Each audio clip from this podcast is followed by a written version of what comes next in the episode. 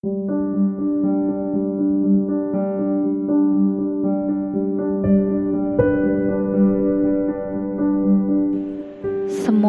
telah sampai padamu.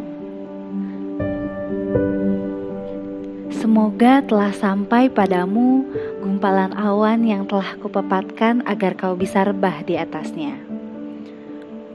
Menjadi tangguh juga dapat melelahkan tubuh. Tak terkecuali kau yang tangguh dan telah terlalu lama menangguhkan mereka yang juga kelelahan. Sila rebah sejenak Sila rebah sejenak di atas gumpalan awan itu. Jika awan itu sudah jatuh menjadi rintik, kuharap hatimu segera membaik. Semoga telah sampai padamu. Balasan dari surat-surat yang kualamatkan pada langit dan kuminta untuk memberikan jawabannya pada alamat rumahmu. Surat-surat itu berisi permohonan untuk menganugerahimu hal yang sulit dilakukan manusia ketika luka.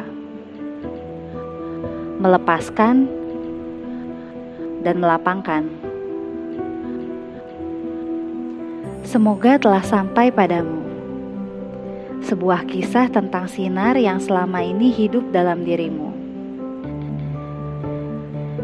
Kemarin, sinar itu membisikkan padaku bahwa ia tak akan redup meski sinarnya dibagi-bagi menjadi puisi yang hidup dalam raga orang-orang yang merasa sendiri.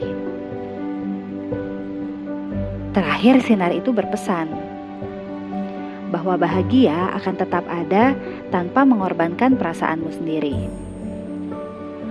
Kau dan mereka yang telah kau beri sinar dari kata-kata akan sama-sama bahagia.